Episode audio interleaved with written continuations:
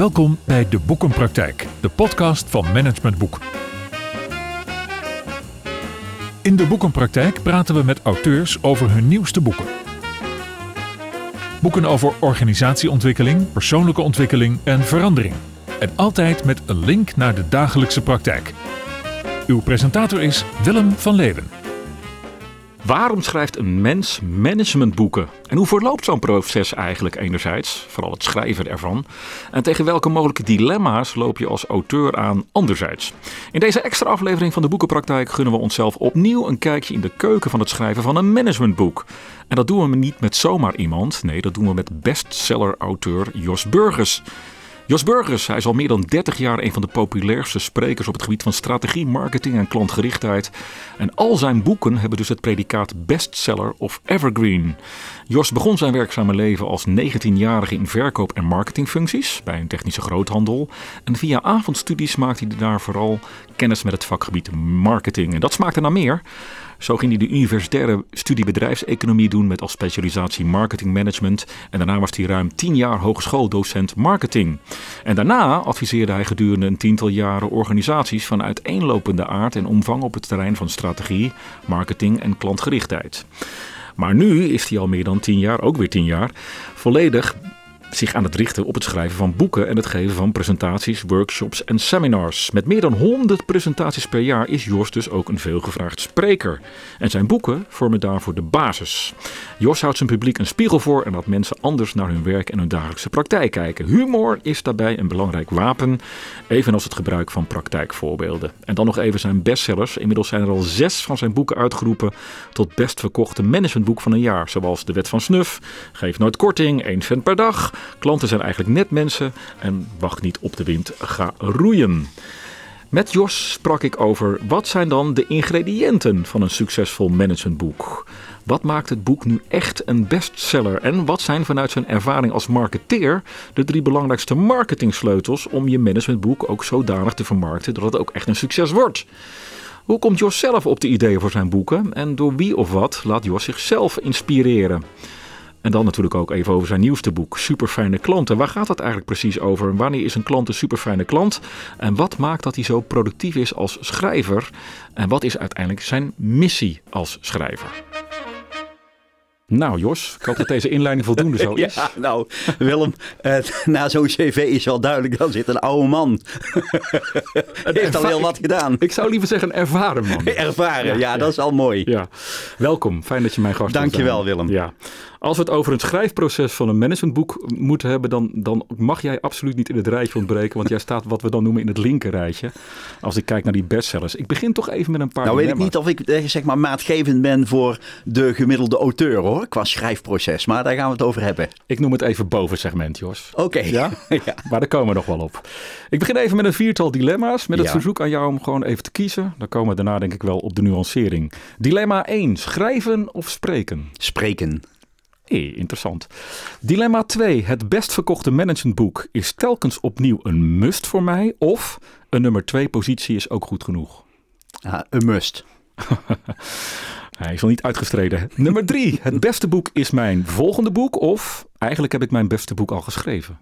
Uh, ik heb mijn beste boek al geschreven. Oh, ik ben benieuwd welke dat is. En het laatste dilemma, dat gaat eigenlijk een beetje over je nieuwe boek, Superfijne Klanten. Het dilemma luidt, met de komst van internet en social media is klantenbinding verbeterd? Of met de komst van internet en social media is klantenbinding verwaterd? Is verbeterd. Nou, die laatste komen we vanzelf wel op als we naar je nieuwe boek gaan. Ja. Um, waarom toch liever spreken dan schrijven, Jos? Ja, schrijven is niet heel erg leuk. Uh, dat klinkt raar misschien als je veel boeken hebt geschreven. Maar ik zeg altijd: het leukste aan het schrijven van een managementboek is uh, als het af is. Ja. Uh, dan, ja. dan, krijg je dat boek en denk je: wauw, het is er en het is gelukt enzovoorts.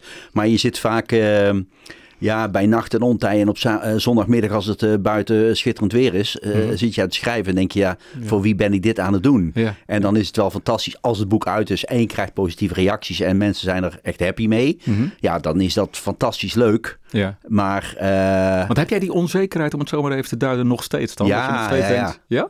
Ja, maar dat heb ik met spreken ook wel. En met schrijven ook. Ben je ook nog zenuwachtig als je het podium op uh, Niet zenuwachtig, maar wel gezonde spanning Ehm, mensen zeggen wel eens die de zaal inkomen, nou, ik heb je nog nooit eerder gezien, ik ben benieuwd. En dan zeg ik altijd, nou, ik ook. Ja. En Ja. daarmee bedoel ik, ja, die zaal is elke dag weer anders. Ja. Dus wat tref je aan? En Hoe zijn die mensen? Hoe zitten ze erin? Hebben ze er zin in of niet? Zijn ze gestuurd door de baas of niet? Ja. En dat maakt altijd dat eh, Ja. eh, de afloop is, is, is ongewis. Die is, eh, ja, en, en die moet er dan. Dus de gezonde spanning heb ik wel. Ja. En met boek ook wel de. Ja, is het goed genoeg? Is het eh, vernieuwend genoeg? Is het eh, ook voldoende? Is het niet te dun? Hmm. Eh, Maar dat is ook een beetje jouw specialiteit, vind ik juist. Hè? Om, om, om dunne, hele praktische, ja, no-nonsense noem ik het, boekjes. Een beetje, als ik het overdreven zeg, in Jip en Janneke taal, zodat iedereen het begrijpt te schrijven. Niet hele conceptuele, dikke, bijna encyclopedie. Nee, dat, dat klopt Willem. Dat heeft misschien ook wel zijn oorsprong in mijn verleden. Ik ben dus ooit begonnen in, in verkoop- en marketingfuncties hè, bij, bij een groothandel. Ja. En dat was ja, in, in zover een simpel bedrijf, werkten 300 mensen. En we verkochten bouten en moeren. En daar zei men, ja, we hebben maar één echt vraagstuk. En dat is hoe kom je van bouten en moeren af? Ja. En daar blijf je de rest van je leven vrij simpel van, zeg maar. Een beetje gefocust. Ook al doe je dan later universitaire studies. Dan blijf je altijd wel die mindset hebben van, waar gaat het nou in de kern om? Ja, ja. ja wat, wat, wat, maakt, ma- wat maakt jouw boeken nou tot bestsellers? Kun je daar iets over zeggen? Wat zijn de, wat zijn de geheimen? Eh, ja, een paar dingen. Ik denk dat het. ehm, iets, er zit altijd wel iets van zelfspot in. Eh, CQ humor, eh, zeg maar, die niet te veel te kosten gaat van anderen. Ehm, Dus dat is wel mooi, hè? Toch even, want je zegt daarmee eigenlijk van ik ga me daar niet neerzetten als een soort van goeroe en een alleswetende verteller. Nee, nee, want ik, ben, ik geef ook regelmatig aan, ik heb hier ook geen bewijs voor. Alleen ik geloof er heel erg in. Ja. En ik spreek veel ondernemers die er ook in geloven. En de vraag is aan jou, wil je het eens overwegen? Wil je er eens over nadenken? Wil je het eens uitproberen? Ja. Dus ik ga me ook vooral niet. eh, soms wordt er inderdaad, we krijgen van die eh, affiches van guru dit. En denk, oh, pas op voor goeroes, zeg ik wel eens. Ja, ja, ja, ja. zelfspot. En, en noem nog eens een aspect. Eh, dat is één. Twee is ehm, eh, praktisch. Dus terug naar wat betekent dat nou volgende week, morgen. Wat, Hmm. wat eh, ja goed, ik kan veel voorbeelden geven, maar wat, wat, wat doe je er nou echt gewoon mee? En dat vraag ik me dus zelf ook af. Als ik, als ik iets aan het schrijven ben, ja, wat, wat- en ik ben eh, een bedrijf dat zit in de keukens of zit, in de waterontharders of in de, ja, wat doe ik dan volgende week anders? Ja, of ja. als bedrijf, een strategie. Ja. Wat betekent dat nou nu? En dus praktisch, dun, simpel. Dus ik schrap ook best veel. Hmm. Ik maak ook van tevoren duidelijke afspraken. Bijvoorbeeld het, het nieuwe boek wat nu uit is. Dan maak ik met de uitgever en met de redactie de afspraak. Elk hoofdstukje heeft tussen 920 en 960 woorden, punt. Oké. Dus niet van ja, we zien wel hoeveel. Nee, dus dat betekent als ik aan, aan 1020 woorden zit, dan moet er 60 uit. Dat is best lastig lijkt mij soms. niet? Ja, en dan moet je dus mooie dingen schrappen. Ja. En je denkt, ach, dat is best wel goed. Kill en dan moet er dat toch uit. Ja. Ja, precies. Ja. Eh, en, eh, maar dat maakt wel dat het uiteindelijk voor die lezer heel fijn is. En wat, hoe- ja, welk criterium laat je dan los op het schrappen? Want jij leest dan elke zin nog eens na en je denkt, Ja. dat is eigenlijk ook een hele goede zin. Die kan er toch eigenlijk niet uit? Nou, wat ik- bepaalt dan Ik begin als er 20 of 40 woorden uit moeten. Ja. Dan begin ik met, het mooiste is als er 40 losse woorden uit kunnen. Oké. Want dan wordt die tekst scherper. Ja, ja. Dus niet drie zinnen, maar eh, hier een woord, daar twee woorden, daar woord. Want dan wordt elk zinnetje korter, duidelijker enzovoort. Daar begin ik altijd mee. Ja. En als dat dan niet lukt, dan nog wat hele zinnen. ja, ja. En dan ga je kijken, is iets dubbel op? Is het wel functioneel dat het dubbel op is? En eh, ja, er zijn van die bekende uitspraken, weet je wel, van... ik, heb geen, ik, ik wilde je eh, een korte brief sturen, maar daar heb ik geen tijd voor gehad. Hè? Dat soort... eh, Hmm. eh, want ja, kort sch- schrijven lijkt altijd makkelijk. Ja. Eh, want als mensen bij mijn uitgever en mijn vorige uitgever Ina Boer komen, dan zeggen ze ook altijd: ja, ik wil zo'n boekje schrijven net zoals Jos Burgers. En dan denken ze, want dan ben ik ook snel klaar. Ja. Maar het is niet zo dat het weinig tijd kost. Maar zou dat ook nog iets voor je zijn trouwens? Dat je ook mensen, een soort trainer-trainer... Dat je ook Nee, mensen- nee, helemaal niet. Nee? Nee. Nee, ik hou helemaal niet van coachen en van trainen. nee. Maar dan moet je naar mensen ook vertellen wat er niet goed aan is. Ja, ja. En dat vind ik niet leuk om te doen. Oké, oké. Ehm, maakt het onderwerp nog iets uit waar je over schrijft? Eh, ja, ja, ja, het moet altijd wel gaan over mijn vakgebied.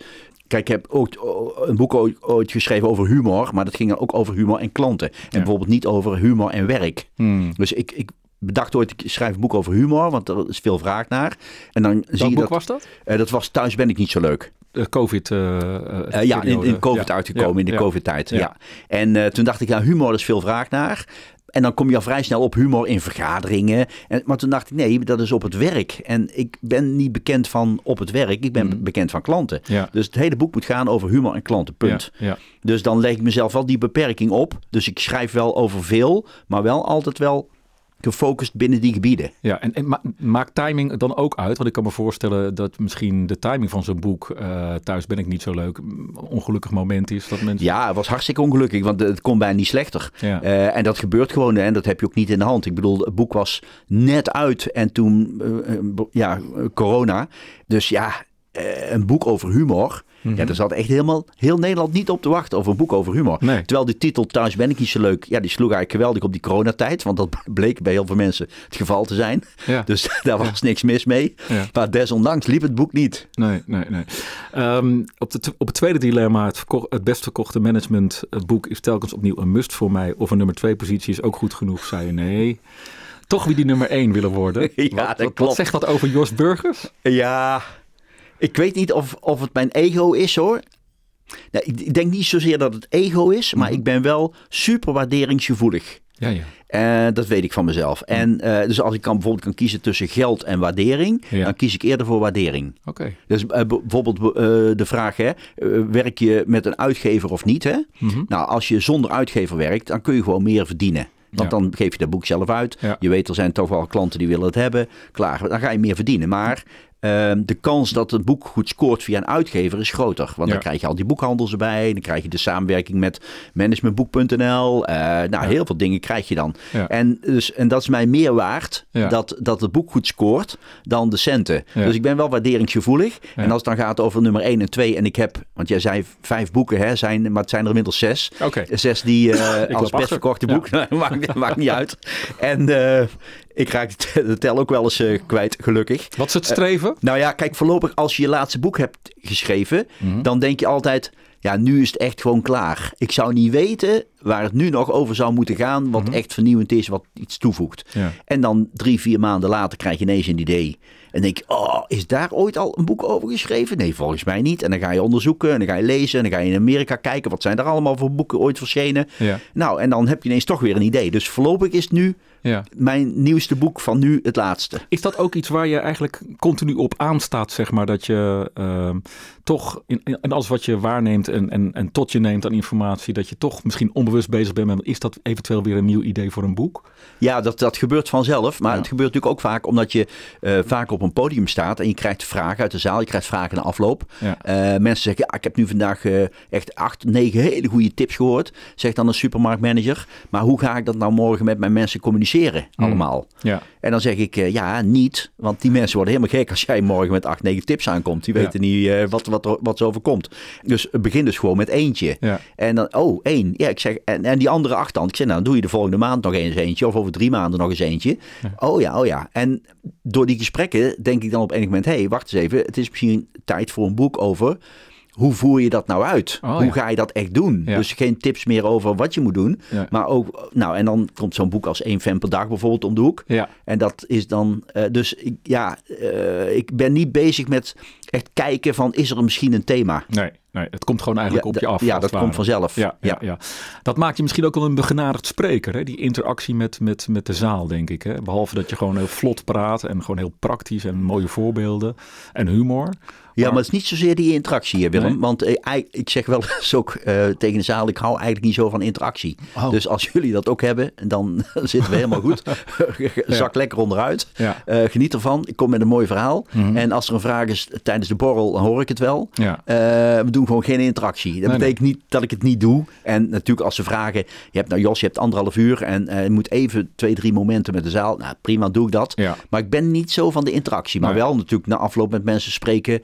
Eh, horen wat er speelt, uh, dingen terugkrijgen. Ja. Dat wel. Ja, ja, ja. ja. Um, nog even naar dat waarderingsgevoelige, want het kan ook ja. een driver zijn natuurlijk om dit soort thema's goed uit te kunnen werken. Want ik kan me voorstellen, als je veel fans wil of je wil veel klanten, waar toch, uh, wat toch een belangrijke essentie van jouw boek is, mm -hmm. dat heeft natuurlijk ook te maken met waardering, toch? Gezien willen worden, ook als bedrijf misschien. Ja. Uh, ja, zeker. Dat, daar heeft dat ook mee te maken. Kijk, ik vind zelf, ja, wat is succes? Hè? eigenlijk is dat waardering. Op het moment dat je veel waardering krijgt voor wat je doet, dan doe je echt toe. Mensen, we weten allemaal, mensen willen gewoon gezien worden, echt toe doen, ja. uh, zinvol bestaan hebben. Nou ja, en dat geldt voor mij natuurlijk met dat schrijven. Als dan een boek mislukt, je hebt een boek uitgebracht, nou ja, en er worden er een paar honderd van verkocht, of, of, of 500 of 1000, en dat is het dan. Mm -hmm. Ja, dan denk je toch, heb ik daar zo mijn best voor zitten doen. Mm. Dus uh, ja. Ja, ja. Wie verzint trouwens die pakkende titels? Doe jij dat zelf? Ja, dat doe ik wel zelf. Wel heel erg in overleg met. En soms worden ze een beetje aangereikt. Hans Jansen bijvoorbeeld van Denkproducties. Die kwam ooit met een titel uh, No Budget Marketing bijvoorbeeld. Ja. Uh, ik had het genoemd low budget marketing. Zei hij, nee, nee, er gewoon no van maken. En dus uh, Hans is daar heel erg sterk in. Ja. Nou, volgens zo'n boek als Geef Nooit Korting. Dat is ja. een enorm populair boek geworden. Ja, dat klopt. Denk ook mede al in door de titel, wat een enorme trigger natuurlijk is. Want het zet je als het ware een beetje op het verkeerde spoor. Misschien wel in het begin, hè, voordat je het boek gaat lezen. Ja, nou, Wij als kijk, de, de, kern is natuurlijk van, ja, maar kijk, iedereen wil natuurlijk korting. Ja. Nederlanders willen allemaal korting, Ja. maar ik zeg ook al, daarom is Boeker. Als, als mensen geen korting wilden, was dat boek ook niet nodig. Nee, dat is waar. Maar ik kom wel bij bedrijven. Van de week was ik er dus bij, ook, ook bij een bedrijf. En die zeggen, ja, dat is echt voor ons een handboek. Wij geven ook nergens korting. Sterker nog, de klanten accepteren dat gewoon. Want die weten dat wij in één keer een, goed, een goede prijs vragen. En als ze dan niet bij ons kopen, jammer. Ja. Maar ze weten, ze hebben nooit het gevoel... Ja, ben ik nou eigenlijk belazerd? Want ik, ja, we hebben het niet over korting gehad. En had er dat misschien ingezeten. Dus klanten eh, willen wel korting. Althans, mijn punt is altijd, klanten willen geen korting. Ze willen alleen niet onnodig veel betalen. Ja, ja, En als je het gevoel hebt dat je onnodig veel betaalt, dan voel je je dus belazerd. ja. En als, als je dus nooit weet wat er precies in zit, dan hou je altijd dat vervelende gevoel van, ja. ja, is het wel een faire prijs die ik nu betaal hier? Dus het gaat erover dat de klant ook heel bewust ervaart en weet wat hij krijgt voor de prijs die hij betaalt. Ja, precies. Ja, daar gaat het met name om. En eh, kijk, er zijn ook eh, bedrijven die smijten met korting. En dan denk ik wel eens, ja, ja, ja, hoe geloofwaardig is dat nou allemaal? En, en ook al krijg je ergens 15% korting, had er dan misschien geen 25 in gezeten. Ja. Maar ik las daar een leuke anekdote. Ja, Ik, zeg, ik zeg altijd anekdote, maar het is natuurlijk anekdote, weet ik wel. Maar eh, ik vind Anneke nou helemaal leuk. Eh, en de- dat is dat jij op, op dat boek, op de kaft, had jij een, wilde jij een sticker plakken van, eh, van 1795, geloof ik, even uit mijn hoofd, voor 1995. dat toch? klopt. Ja. De uitgeverij was daar niet zo blij mee. Klopt dat? Eh, ja, ja, nou, die, die, die dacht, ja, dan zitten we wel aan die prijs vast. Ja. Ik zei, ja, dat klopt, want die sticker staat erop. En dus we gaan dat, die prijs niet verhogen. Nee, niet van elk jaar weer een euro erbovenop. Ja. En, eh, maar uiteindelijk, het boek verkoopt zo goed. Ik, ik weet niet, we zitten nou 12 of 13e druk of zoiets. Dus eh, uiteindelijk zijn ze gewoon er heel blij mee. En ik heb overigens ook wel weer zoiets bedacht voor het nieuwe boek. Maar daar komen we dadelijk misschien nog op. Mhm. Ja, daar komen we zeker op. Nou heb ik ook iets, iets bedacht om, om te maken dat opvalt. Want ik vraag me dus ook altijd af. eh, iemand komt op Schiphol, kijkt even naar de boekjes. Iemand komt bij de Bruna. Of, wa- nou, Ja. En ehm, wat maakt nou dat zo'n boek opvalt, Ja. eh, uitspringt? Of dat mensen zeggen, ik pak het even vast en ik ga op de achterkant lezen waar het over gaat. Mhm. Want ik ben nu getriggerd. Ja, En zo'n stickertje voor op zo'n boek, nu van 1795 voor 1995, maakt dat ondernemers denken, hè, waar gaat dat over? Nou, en dan heb ik bereikt wat ik wil bereiken. Ja, Namelijk dat ze de achterkant gaan lezen. ja, ja, ja. Want jij bent natuurlijk ook marketeer. Heb je nog meer van dit soort marketing eh, sleutels waarvan je zegt... het gaat niet alleen om de inhoud van het boek en hoe je het schrijft, hè, dus de, de stijl. Maar als je het dan uitgebracht hebt, dit is zo'n zo'n voorbeeld... en Ja. het ligt inderdaad bij de Bruna op Schiphol. Hoe zorg je dan dat het ook goed aan de man... dat, dat het echt marketing aandacht krijgt die het verdient? Heb je daar nog meer tips bij? Ja, wat, ik werk dus veel met filmpjes ook op, op LinkedIn, hè, met humor. Dat Ja. werkt ook heel goed. Ja, ik kan even een grap noemen tussendoor. Ja, hè, dan, dat is, er is dus nu, eh, op het moment dat we dit vandaag opnemen, is er net bekendgemaakt dat er een nieuw boek van mij gaat verschijnen. klant. Ja. Ja, super fijne klanten.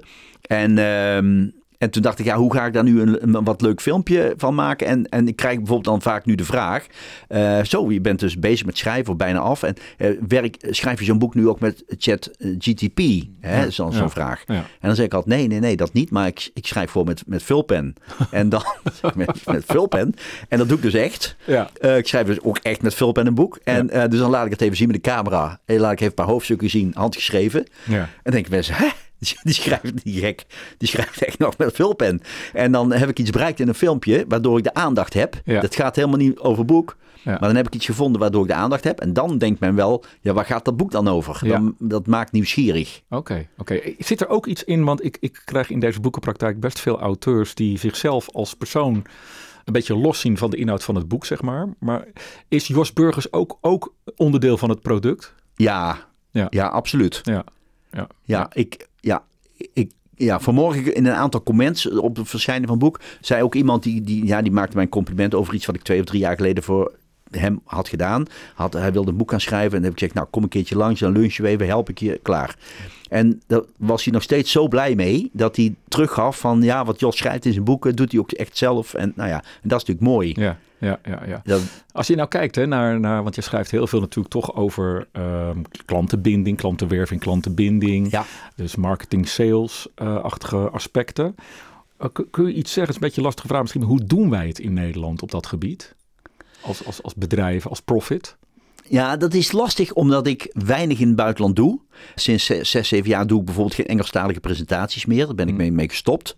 Niet dat ik het niet kan, maar uh, Maar je komt hij weet wel weer. goed hoe we het in Nederland doen natuurlijk, toch? Eh, ja, maar in Nederland doen, doen we het absoluut niet verkeerd. Nee, nee. Alleen je ziet heel erg dat er steeds ehm, tendensen zijn in de samenleving waardoor we afglijden.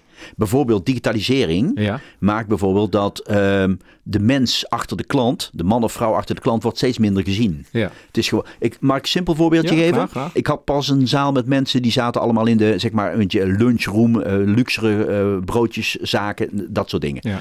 Eh, die wilden dus top klantgericht zijn. Ja. En toen was mijn vraag aan hen, aan die zaal. Stel, ik kom met een collega bij jullie lunchen. Wij bestellen allemaal wat. Eén bestelt een broodje tonijnsalade en de ander die bestelt, we- weet ik wat, eh, carpaccio.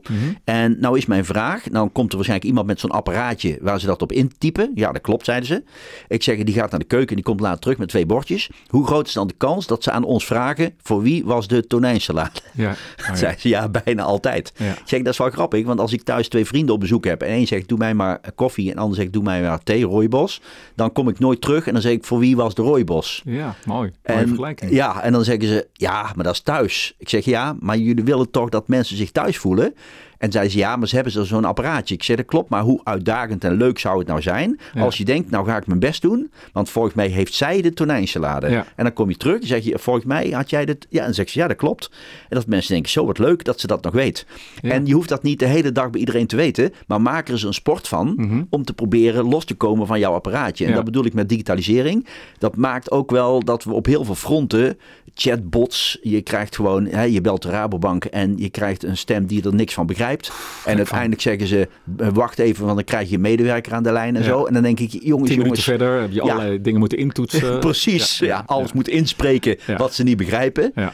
Vreselijk. En, en dan denk ik, ja, dus eh, we doen het wel goed in Nederland, denk ik, en steeds beter. Maar we glijden ook steeds af. door- Heeft het ook niet te maken, Jos, met dat het in de kern eigenlijk allemaal gaat over liefde voor mensen? Dat je van mensen moet houden, zeg ik wel eens.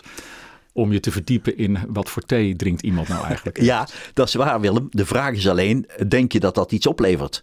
Eh, want kijk, bedrijven zijn natuurlijk uiteindelijk eh, bezig met rendement. Mhm. En het punt in, mijn, in veel van mijn boeken, en zeker ook in mijn laatste boek, is... als je wat meer oog hebt voor die klant, voor de man of vrouw achter, eh, liefde voor... Ja. dan denk ik dat dat een betere investering is... dan investeren in een nog een beter software systeem of, Ja. of wat dan ook. Of kosten besparen op de klantenservice bijvoorbeeld, of Ja. op, de, op het callcenter. Nou, dat is steeds de vraag. Wat brengt nou uiteindelijk, wat brengt je het meest? En het probleem is, op het moment dat je bedrijf hebt wat heel erg gestuurd wordt op eh, rendement en euro's en KPI's en hoe het allemaal mag heten, Mhm. dan, ehm, dan ben je niet zo bezig met als we nou geld steken in een beetje liefde voor de klant. Dan denk je, ja, ja, leuk, maar wat brengt dat op? Wat, wat Ja. levert mij dat op? Ja. En dat is wel een dilemma waar mensen mee zitten. Ja, maar ik, ik, ik, ik kom zelf ook in veel organisaties, ook in veel in-profit organisaties, waar het allemaal hele mooie termen zijn. Ze hebben dan ook allemaal waarden aan de muur hangen over klantgerichtheid. Laatst ging ik naar een bouwmarkt op zo'n industrieterrein als dit. En ik kon mijn auto absoluut, er was een hele grote parkeerplaats voor het gebouw, maar ik kon mijn auto absoluut niet kwijt. Dus ik begon me ook te ergeren, want ik kwam daardoor ook vijf minuten te laat. Dat vind ik vervelend. En toen werd ik ontvangen door uiteindelijk die directeur. Want ik had een afspraak over een traject over klantgerichtheid. Toen zei ik toch even één ding, zei ik tegen hem. Ik zeg, ik, ik, ik kan hier niet eens mijn auto kwijt. Ik zeg, ik kom hier aan als klant. Ik zeg, het staat allemaal personeel. Ja, hij zegt, maar jij bent geen klant, jij bent leverancier. Oké, maar snap je, dan denk ik, ja, snap je eigenlijk wel waar het over gaat? Zijn Ja. het niet allemaal vaak hele, hele holle termen Ja. die er En ik vind ook bovendien, leveranciers dien je ook gewoon Ja. hoffelijk te behandelen. En dat is niet anders of zo. Eh, eh, dus, maar ik, ik ben met je eens, daar gaat het vaak al, gaat het vaak al mis. Ja, ja. We gaan even naar jouw nieuwe boek. Eh, heb je, voor ik naar, naar een super fijne klant ga, Ja. want jij bent productief als schrijver. En je, je gaf net al aan, het begint met een idee en dan ga je zitten, ook op die eh, eenzame zondagmiddagen zou ik maar zeggen. Ja, ja. Maar heb je ook wel eens momenten dat je, dat je aan het schrijven bent en dat je in een soort van writer's block terechtkomt, dat je denkt, ik zou nou echt even niet meer weten hoe ik verder moet?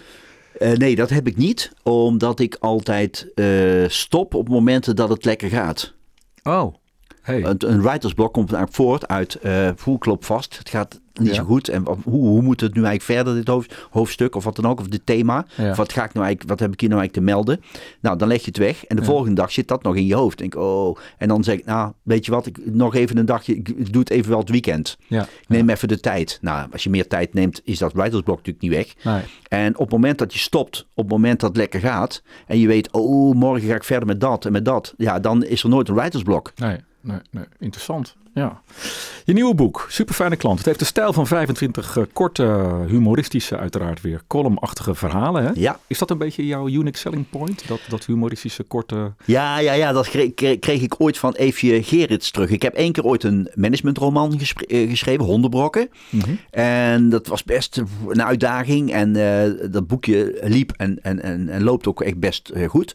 En toen dacht ik ooit van misschien moet ik weer opnieuw een thema in een soort managementroman. Eh en toen zei eh Eefje Gerits, was destijds mijn redacteur, een zeer gewaardeerd eh, professional. Die zei, ja, Jos, moet jij niet doen. Je moet gewoon 25 hoofdstukjes in vijf delen. Lekker overzichtelijk.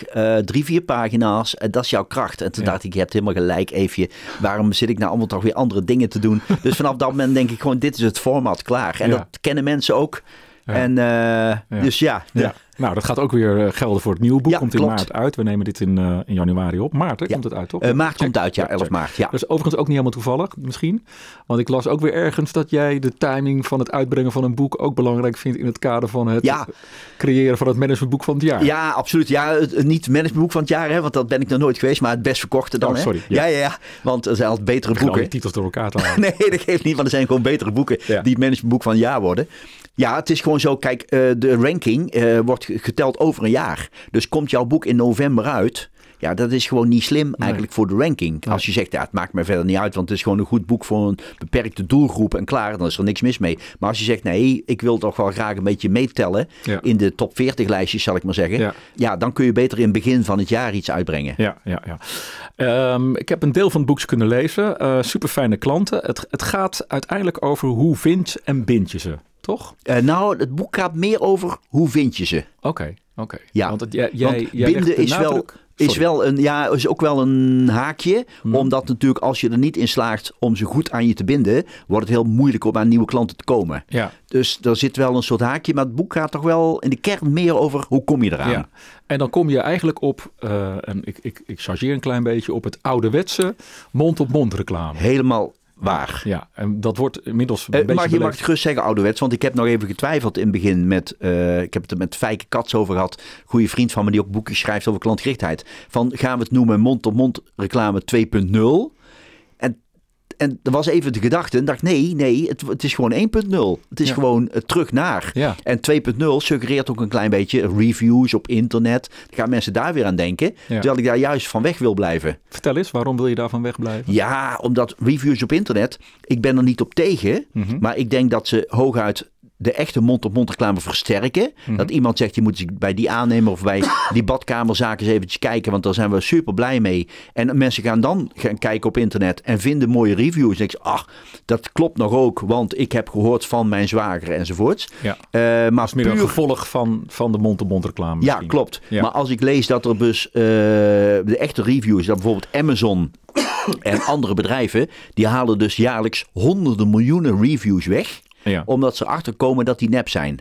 Ja, dan denk ik altijd, hoeveel zijn er dan nog meer nep die ze niet hebben afgehaald? Ja. En ik denk ook, sommige zijn gewoon betaald. Je krijgt gewoon korting als je een review plaatst. Hoe onafhankelijk is dat dan? Eh, er zijn, je kunt ze zelfs echt gewoon kopen. Hm. Soms zijn ze een beetje ja, afgedwongen. Eh, ja, ik zou het heel erg fijn vinden als je bij mij een review denkt, mensen, nou ja, vooruit dan. Ja. En ik ben dus een beetje sceptisch geworden over het hele review en net promoter score gedoe. ja. Plus natuurlijk, het zijn altijd alleen maar de positieve dingen die je leest. Ja, toch? ook dat. Ja, Klopt. En eh, het, eigenlijk heeft gewoon de, het bedrijf er overheen geplast. Terwijl de mond-to-mond reclame, ik kan een mond-to-mond reclame over jou eh, geven aan een, aan een kennis van mij waar jij zelf niet bij bent. Dus daar heb je dan helemaal geen regie op. Nee, klopt. En, en sterker nog, jij gaat, als jij bijvoorbeeld een boek goed vindt, hè, Ja. eh, dan ga je dat niet aan al jouw vrienden en kennissen aanbevelen. Alleen maar aan degene waarvan je denkt, dat past bij jou, jij bent daarmee bezig enzovoorts. Dus het is veel een gerichtere boodschap dan al die reviews op internet die zomaar aan iemand zijn gericht. Ja, ja, ja. Dat is wel grappig. Ik heb toevallig vanochtend nog gedaan. Ah, Nee, serieus. Ik, ik sprak vanochtend iemand, een ZZP'er. En die is heel erg bezig met allerlei blogs en filmpjes. En dat levert tot nu toe geen moer op. En toen zei ik van nou, er komt binnenkort een boekje uit van Jos. Die spreek ik zo meteen. En Dat gaat gewoon ouderwets over. Kijk eens of je je, je huidige klanten ambassadeur van je kan maken. Want daar gaat het eigenlijk over. Hè? Klopt. En meer inzetten. Ja, ja. Kun, Ja. kun je daar iets meer over vertellen? Wat, hoe doe je dat? Want eh, dat vinden kennelijk we nog steeds moeilijk om van onze klanten ambassadeurs te maken. Ja, nou er zijn heel veel relatief simpele adviezen te, eigenlijk te geven op dat vlak. Hè? Maar een, een eenvoudige is, ik vraag wel eens aan bedrijven, eh, jullie krijgen aanvragen binnen. Jullie krijgen leads, jullie krijgen, mensen willen informatie, noem maar op. Ja, klaar. Weet je dan of dat, dat komt via iemand of niet? Hmm. Eh, dan zeggen ze nee, nee, daar komt gewoon een aanvraag binnen. Ja, oké, dat is interessant. Maar dat betekent dus, er loopt iemand rond. Eh, nee, ik ga het even anders zeggen. Hoe groot is de kans dat als iemand zich bij je meldt en die is gekomen op basis van iemand die, Ja. hoe groot is dan de kans dat het een succes wordt? En eh, hoe groot is de kans als iemand je vindt via Google? Of omdat je een boekje hebt geschreven of wat dan ook? Ja. Ja, ja, nee, dat is wel een groot verschil. Ja, eh, dat is interessant. Bijvoorbeeld, hè, een badkamerzaak zegt bijvoorbeeld: ik krijg eh, drie klanten die mij bezoeken, eh, drie mensen die mij bezoeken, één wordt klant. Mhm. Dan zou het wel zo kunnen zijn als je het echt uit gaat zoeken, dat van twee mensen die gestuurd zijn door iemand, er eentje klant wordt. Ja. En op de advertenties één op vier. Hmm. Dat is gemiddeld nog steeds één op drie. Ja. Maar er zit een enorm verschil. Nou, als je dat weet, dan is de interessante vraag: weet je dan wie dat zijn geweest? Vra- stel je de vraag: goh, u bent bij ons terechtgekomen, mag ik vragen, heeft daarbij iemand een rol gespeeld? Als je dat weet en je gaat daar dan ook nog eens iets mee doen met die mensen, je stuurt ze een bloemetje of een kaartje of een fles wijn of wat dan ook, maakt niet uit. Dan is de kans groot dat zij denken: wat leuk eh, dat jullie dat eh, weten en dat je erachter bent gekomen. Ja, kan ja. ik wel eens vaker doen. Ja. Nou, voor je het weet gaan ze het vaker doen. En dan ga ik het doortrekken. Stel, jij krijgt een mooie offerteaanvraag van een fantastisch bedrijf, en- maar je wordt het toch niet. Ja. En je komt erachter dat iemand daarbij een rol heeft gespeeld. Dan heeft iemand zijn haar eh, nek uitgestoken. Ja. En de vraag is, waardeer je het feit dat iemand zijn nek heeft uitgestoken? Of, of beloon je euro's? Hmm. ja. En als je zegt, ja, ik doe alleen maar iets als ik in orde wordt geworden, dan krijgt iemand iets leuks. Dan zeg je eigenlijk, nou breng me euro's op, dat is me iets waard. Maar dat is niet heel sterk. Nee, nee, nee. Het, ook sowieso, het, het, ja, het klinkt allemaal heel logisch en toch wordt het volgens mij heel weinig gedaan dat we bloemetjes sturen naar, naar klanten van ons omdat ze ons hebben doorverwezen. Ja. Volgens mij gebeurt het bijna nou, niet. Wat, wat wel gebeurt is dat mensen van tevoren iets in het vooruitzicht wordt gesteld. Als ze iemand aanbevelen, dan krijg jij ook 10 euro of 100 euro korting. Ja. maar dat is zwak. Ja. Dat is, we kunnen zelf niet aan klanten komen en daar gaan we jou nou voor inzetten. Mhm. Dat vind ik niet sterk. Maar als je onverwacht beloont, Ja. dan gaat er iets gebeuren. En een ander eh, simpel voorbeeld is, als je dus van die aanvragen krijgt, hè, heb je dan ook een, wat ik in het boek noem, een A en een B kennismaking. Dat je zegt, we hebben een ander soort kennismaking, Mhm. afhankelijk van het soort nieuwe klant wat zich meldt. Ja. Dus als iemand zegt, wat kost bij jullie eh, 40 vierkante meter asfalt aanleggen eh, op een pad ergens dit en dat. Mhm. Dan kun je zeggen, nou dan gaan we dan uitrekenen en sturen een offerte met een prijs. Maar je kunt ook denken, nee, als iemand binnenkomt op aanbeveling, is de kans op scoren groot. Dus dan gaan we niet zomaar een offerte sturen. Dan zeggen we, nee, wij komen altijd eerst even langs om de situatie te bekijken, ter plekke. En daarna gaan we pas over de, komen we pas met een prijs. Ja. Omdat je gewoon weet, de kans is heel groot dat zij kopen. Ja. En eh, ik wil niet vergeleken worden met vier anderen die ook allemaal een prijs sturen. En die ene die dan via Google komt, nou die stuur je dan gewoon maar een prijsje en dan zie je wel of het iets wordt. Ja. Dus heb je ook een A en een B kennismaking. Dat is bijvoorbeeld ook zo'n facet. Ja, ja. Het gaat eigenlijk in de kern allemaal over toch het fenomeen volgens mij serviceverlening boven de verwachting, toch? Dat je net iets meer doet dan wat die klant verwacht. Want Ook- die vraagt om een offerte en die krijgt veel meer dan dat. Ja, daar gaat het ook om. Maar het gaat ook om risico wegnemen. Dus ehm, wat, stel je bent fan van een bedrijf, van, Ja. van een merk of Ja. van een. eh, en eh, wat maakt nu bijvoorbeeld dat je dan toch aarzelt om iemand aan te bevelen? Dat is bijvoorbeeld omdat je risico uh, ervaart of percipieert. Mhm. Uh, van ja, ik kan ze wel aanbevelen, maar ze zijn altijd zo traag met reageren. En daar die vriend van mij, die heeft daar dadelijk ook last van. Ja. Dus ik heb bijvoorbeeld, ik, ik geef als voorbeeld een onderaannemer waar we een poosje terug veel mee hebben gewerkt. Hartstikke fijn wat ze hebben gedaan, top. Mhm. Alleen ze reageren zo laat en zo traag dat ik ze toch niet ga, ga aanbevelen. Ja. Dus ik ben wel fan, maar ik beveel ze niet aan omdat ik risico zie. Ja, ja. En de vraag is natuurlijk van, wat neemt nou die risico's weg? Ja, ja. En, en ben je daar alert op als, als bedrijf? Ja, be- ben je daar bewust van? Ja, ja, ja. En uh, nou, nou klinkt dit in de voorbeelden heel erg als een soort van MKB, hè? Maar, maar geldt dit ook voor corporate land? Ja, ik denk ook. Want daar zijn we de klant volgens mij helemaal een beetje vergeten. Ja, dat klopt. Maar ook corporates bestaan vaak natuurlijk uit heel veel kleinere ondernemingen, business units ja. met klanten en met Ja. uh, vaak is het niet gewoon één grote corporate. Maar Ja. ook bij grote corporates uh, kun je natuurlijk gewoon nagaan. Uh, hoe kunnen we dit soort dingen wegnemen? Bijvoorbeeld het nagaan, hebben we ambassadeurs? Zo ja, wat doen we daarmee? Een ander een simpel voorbeeld wat ik ook geef is... Als je uh, nu al ambassadeurs hebt en je wilt dat ze je wat vaker gaan aanbevelen. Uh, nou, ik, geef het, ik zal weer een, een Ja, simpel voorbeeld geven. Op het moment Dat, is zo, dat. dat is zo fijn dat jij van die... Nee, dat meen ik, dat meen ik echt van die praktische voorbeelden. Ja, dat zit er bij mij gewoon standaard ja, in. nee, Hè? dat is mooi. Maar uh, ik heb in de buurt een restaurant. Een jong stel is begonnen. Moeilijk in de coronatijd, noem maar op. Ik vind dat die, die twee het verdienen. Die hebben eh, een soort gunfactor. En op enig moment krijg ik de vraag: wil je met ons meedenken over het nieuw concept? Want we willen de zaak gaan veranderen. Klaar. Natuurlijk wil ik dat. En kost dat? Nee, dat kost niks. Ik kom jullie even helpen. Klaar. En dan merk ik, als je fan bent en uh, het bedrijf waar je fan van bent vraagt om advies en je gaat ze ook nog helpen, Hmm. dan word je bijna mede verantwoordelijk voor hun succes. Ja, ja, ja. ja. Dus ik heb nog nooit zoveel mensen daar naartoe gestuurd, merk ik. Ja. Omdat ik nu inmiddels ambassadeur ben. Ja. Dus ze hebben alleen maar mijn hulp gevraagd. En daarom ben ik nog meer ambassadeur. Ja, ja. En denk, waarom doen niet meer bedrijven dat? ja. Want eigenlijk is dat ook een... Er zit ook iets psychologisch onder volgens mij. Dat je het fijn vindt om iemand te kunnen helpen. Klopt. Weer iets te kunnen Ja, je helpt graag iemand. Ja. Dat is niks meer. Dat, dat, als je aan mensen vraagt, vind je het fijn om iemand te helpen als die hulp nodig heeft? Natuurlijk zeggen mensen dan. Uh, en als je aan die andere mensen vraagt, vragen jullie wel eens om hulp? Zeg ik, nee, nee, nee, we gaan niet steeds om hulp zitten vragen. Dat is heel bijzonder eigenlijk. Ja, ja, Terwijl die mensen dat heel graag bieden. Ja, ja, ja.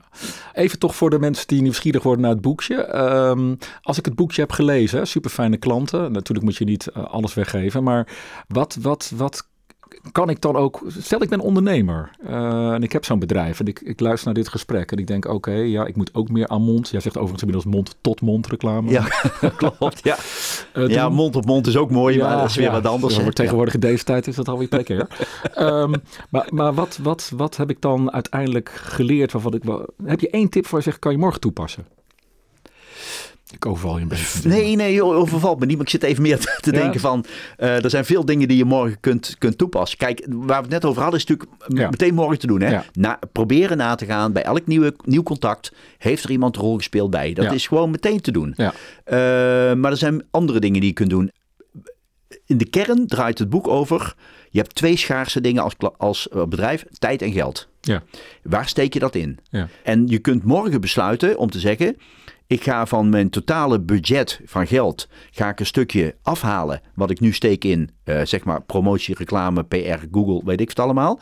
En een stukje daarvan gaan we nu steken in klanten, ja. in ambassadeurs en kijken wat dat oplevert. Dat kun je morgen beslu besluiten. Ja. Uh, Tom van Veen, de nieuwe topman van Jumbo, ja. die zei pas in een interview van uh, NRC van mij mag er wel wat meer geld vanuit die reclame en al die spotjes. Mag er wel meer in de winkel hmm. om klanten te helpen die een probleem hebben. Ja. Uh, in plaats van, uh, ja nee, dat moeten we vooral niet doen. Want dat kost allemaal geld. En tegelijkertijd elke dag op, de, op tv uh, geld uitgeven. Ja. En, en je kunt dus besluit nemen om het anders te gaan doen. Dat is één. Het tweede, tijd is ook een schaars middel. En je kunt als management bijvoorbeeld besluiten. Ik ga nu voortaan vanaf, volgende, vanaf morgen elke week één klant bezoeken. Mm -hmm. En dan heb ik er gewoon 40, 45 in een jaar. Eén klant bezoeken. Met, uh, en ik ga daar tevredenheidsonderzoek doen. Als manager, als CEO. Mm -hmm. uh, want dan hoor ik hoe men denkt over mijn bedrijf. Dan, uh, dat, dat levert meteen dingetjes op. Of complimenten die ik door kan geven aan de zaak. Ja. Of dingen die echt beter moeten. En ehm, stop nu eens met dat enquêteren. Ja, ja. ja je zegt dat, ook even, dat is wel belangrijk als CEO. Dus de als CEO, CEO komt zelf aan de deur bij wijze van Ja, spreken. maar dat is natuurlijk een groot probleem. De management en CEO, vaak is het in veel ja. bedrijven zo. Zit alleen als maar in overleg, hè? Ja, als je heel veel carrière hebt gemaakt, zie je nooit meer een klant. Dat Nee. is zeg maar een van de pluspunten dan. Ja. Hè, van een van de, en uh, ja, en dan wil ik dus terug naar, nee, Het allerbelangrijkste is klanten. En hou jij je gewoon als hoogste baas, man, vrouw, bezig met die klanten. Ja. En, als je, en ik ken bedrijven die zeggen, nee, elke week spreek ik één klant. En, en dat bereken ik ook niet natuurlijk. En het gaat ook niet over orders, het gaat ook niet over omzet. Het gaat alleen maar over als eh, mijn bedrijf, als dat nou van jou was.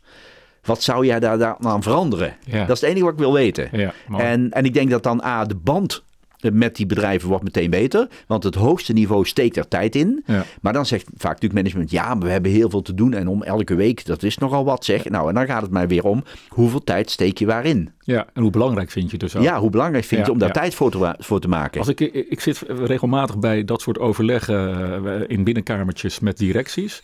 Ja. En dan zitten, we heel lang, zitten zij heel lang te praten. Het zijn vaak allemaal strategische thema's. En dan Ja. vraag ik wel eens op een gegeven moment tussendoor... wat vindt de klant hier eigenlijk van? En dan zitten ze me aan te kijken alsof ze zeggen... waar kom jij vandaan? Ja, ja. Maar dat is toch wel een beetje wat er aan de hand is, denk ik. Dat we het outside-in denken een beetje vergeten zijn, toch? Ja, ja, klopt. En wat je dus ook kunt doen, kijk, Hans Jansen bijvoorbeeld van Denkproducties, die heb ik ook als voorbeeld in het boek genoemd. Die heeft eh, iets nieuws geïntroduceerd, ge- jaarkaarten voor seminarhouders. Eh is erg succesvol, maar hij zat van, ja, hoe ga ik dat continueren? Want ik kan niet elk jaar mijn programma aanpassen. Mhm. Dus als mensen natuurlijk een jaarkaart hebben en die denken, ja, dat doe ik volgend jaar niet, want dan komen weer dezelfde dingen langs. Hoe los ik dat op? Ja. Nou, hij heeft hij een zaaltje georganiseerd, pizza's laten komen en aan die mensen gevraagd, hoe los ik dit op? Nou, die mensen gaan allemaal meedenken, die komen met geweldige ideeën, Ja. omdat hij gewoon met die klant gaat praten. Ja, ja, En ja. dat gebeurt nog. Het heeft ook iets kwetsbaars, vind ik. Dat maakt het ook wel mooi. Dus Ja. je niet alleen maar je, je bedrijf promoot als alles weten en alles kunnen oplossen, maar ook even het dilemma gewoon aan je klant voorleggen, zeg maar, toch?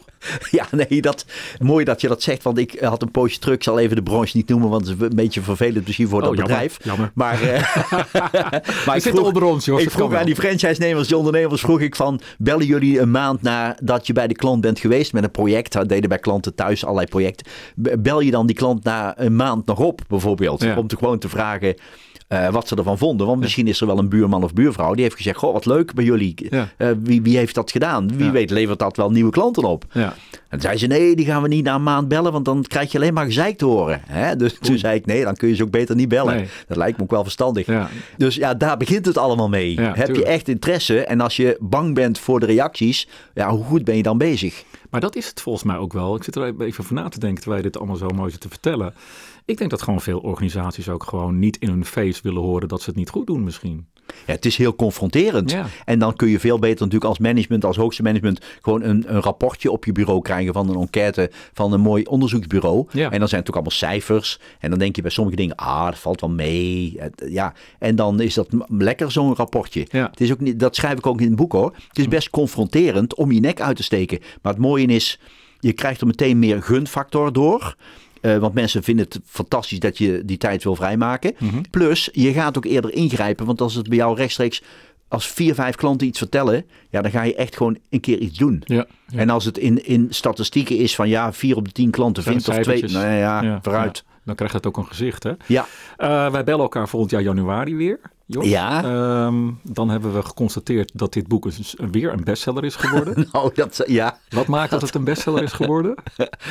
Ja, ik, het grappige is dat eh, nu eh, dus net bekend is gemaakt op eh, internet dat het boek er gaat komen. En dat is nu nog ja, heel lang maanden voordat er is. Zag ik vanochtend dus dat boek al is besteld door heel veel mensen. Oh, Ja, dat is wel, eh, vind ik echt wel eh, eervol. Dat Ja. vind ik echt fantastisch. Dat mensen zoveel vertrouwen hebben in er komt een nieuw boek. Dat ze ja, het nu al gewoon bestellen. Maar dat is ook gewoon Jos Burgers natuurlijk, hè? Toch? Die brengt een nieuw boek uit. Ja, dat is wel omdat ze Ja. vorige boeken kennen. En denken, oh, zo'n boek, dat thema spreekt me aan. Boek wil ik hebben, punt. Nou, dus dat vind ik al, dat vind ik natuurlijk geweldig.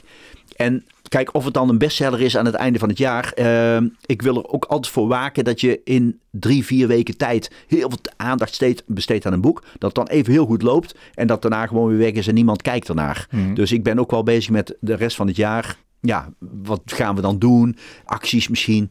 Ja, ik zit te denken aan heel veel bedrijven hebben natuurlijk super fijne klanten. En die, die ze misschien zo'n boek gunnen. Eh, die super fijne klanten van hun hebben zelf ook weer klanten en Ja. nodig. Dus Ja. ja. daar kan ik misschien iets leuks mee doen.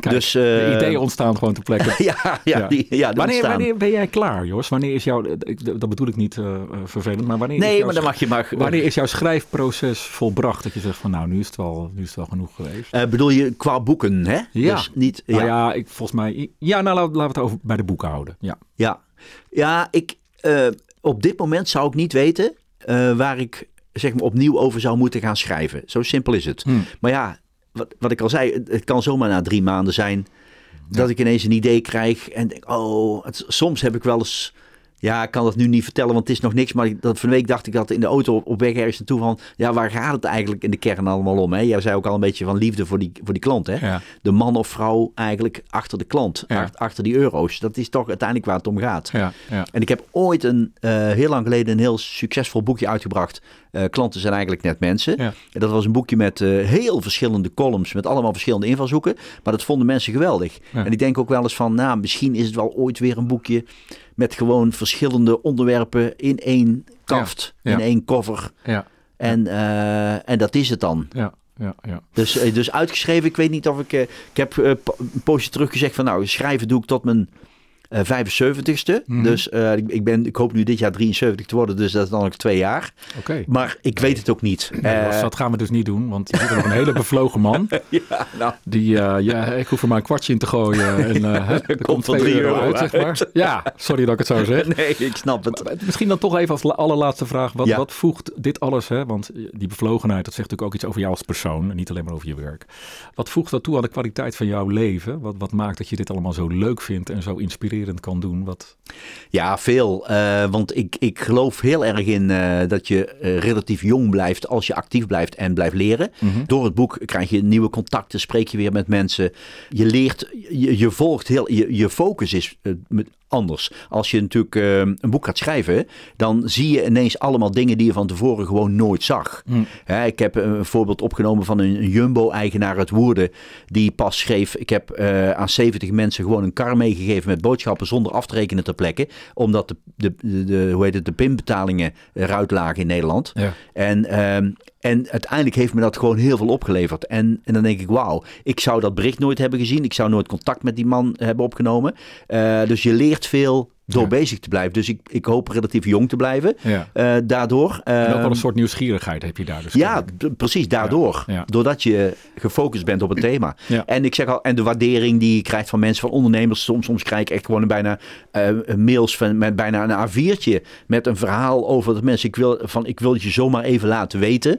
Wat, nou, dan denk ik, ja, wauw, hoe, hoe mooi is dit? Dus eh, het brengt mij persoonlijk ook eh, qua geluk veel, veel eh, Willem. Nou, dat, dat, die energie die komt in ieder geval op mij over. Dankjewel, Jos. Alsjeblieft, voor heel graag gesprek. gedaan. Dankjewel. Ja, Jos Burgers. Niet zomaar natuurlijk een auteur. Dat heb je inmiddels wel begrepen in dit gesprek. Dankzij jou hebben we weer een kijkje in de keuken kunnen krijgen van hoe je een goed managementboek schrijft. Ik verwijs jou als luisteraar graag naar de volgende aflevering eh, van deze podcast, De Boekenpraktijk. Normaliter is die over twee weken weer op alle grote podcastkanalen te vinden. En dan, dan spreken we weer natuurlijk weer met een auteur. Dat gaat dan meestal over zijn of haar recent verschenen managementboek. Maar we plotten dat altijd wel even op de praktijk. Nou, bedankt voor het luisteren naar deze aflevering van de Boekenpraktijk. Heb je vragen, opmerkingen of suggesties? Wij houden ook wel van aftersales natuurlijk. Dus eh, meld het ons. Of misschien moeten wij dat zelf. Ja, eigenlijk nu. Ik moet het anders gaan formuleren. Want ik heb nu van Jos Burgers geleerd dat wij nu zelf eigenlijk achter die luisteraar aan moeten. Veel proactiever, Karin. Ja, gaan we doen. Maar goed, als je toch zelf daar het initiatief in wil nemen, mail het dan SVP naar info.managementboek.nl. En je kunt je ook op onze podcast abonneren. Dan hoef je nooit meer een aflevering te missen. Ga daarvoor naar managementboek.nl slash podcast. Tot zover de praktijk van boeken. Kijk voor meer afleveringen of een abonnement op de boekenpraktijk op managementboek.nl/slash podcast. Je vindt ons ook op Spotify, Apple Podcast, Google Podcast en Podimo. Hartelijk dank voor het luisteren en graag tot de volgende podcast.